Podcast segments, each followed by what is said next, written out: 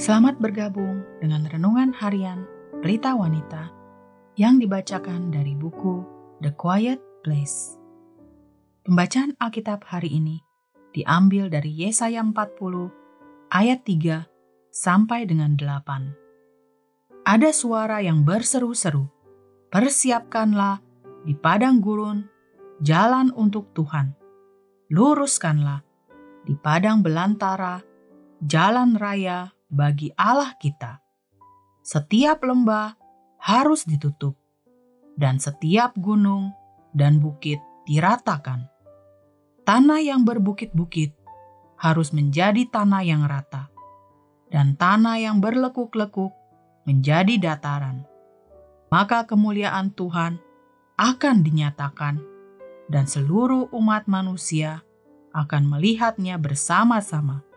Sungguh, Tuhan sendiri telah mengatakannya. Ada suara yang berkata, "Berserulah." Jawabku, "Apakah yang harus kuserukan?" Seluruh umat manusia adalah seperti rumput, dan semua semaraknya seperti bunga di padang. Rumput menjadi kering, bunga menjadi layu apabila Tuhan menghembusnya dengan nafasnya. Sesungguhnya lah bangsa itu seperti rumput. Rumput menjadi kering, bunga menjadi layu.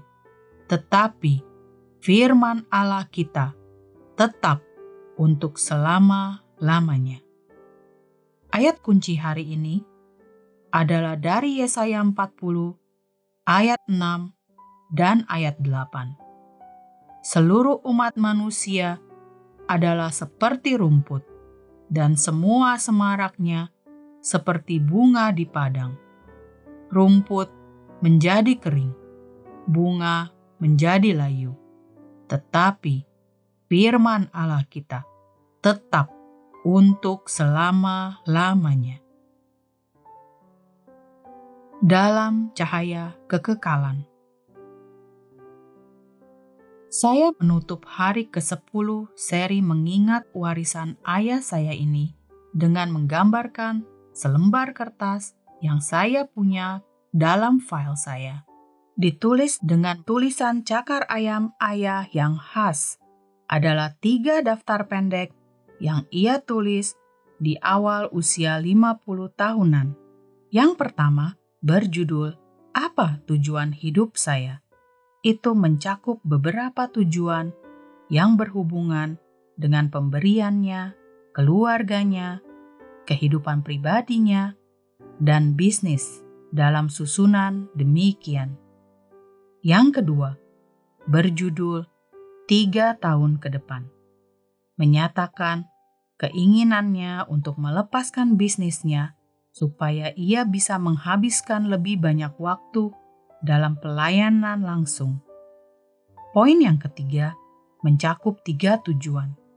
Di atasnya tertulis, "Jika saya tahu saya akan meninggal dalam enam bulan." Ia tidak tahu ketika catatan ini ditulis dalam waktu kurang dari tiga tahun sesudahnya, ia sudah berada dengan Allah. Saat saya lihat lagi tujuan-tujuan ini, jelas bahwa apa yang sangat berarti untuknya adalah hidup dalam cahaya kekekalan sedemikian rupa sehingga bisa meluaskan kerajaan Allah. Inilah yang mendorongnya untuk memberi lebih banyak daripada mengumpulkan lebih banyak. Inilah yang membuatnya memperhatikan kebutuhan rohani keluarganya dan menggerakkannya untuk lebih mempedulikan jiwa-jiwa yang tidak mengenal Kristus. Ayah saya tahu kuasa Injil yang merubah hidup dalam hidupnya, dan itu yang menggerakkan beliau untuk menceritakan Kristus pada semua yang bergerak, bahkan ketika teman lamanya, Dr. Bill Bright meninggal, perintis kampus Crusade for Christ, saya bercanda. Saya harap kedua orang ini tidak bosan di surga, karena tidak ada orang lagi yang bisa mereka injili. Jiwa-jiwa yang terhilang sangat berarti bagi ayah saya, karena ia tahu apa akibat penolakan mereka terhadap Kristus. Ia melihat tujuan dalam setiap orang yang Allah hadirkan dalam hidupnya, selalu siaga untuk kesempatan memberitakan Injil. Itu karena kekekalan berarti untuk beliau. Apakah kekekalan berarti untuk Anda?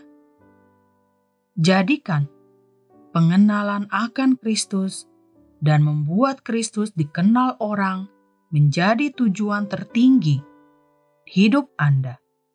Tidak ada warisan yang lebih besar daripada itu.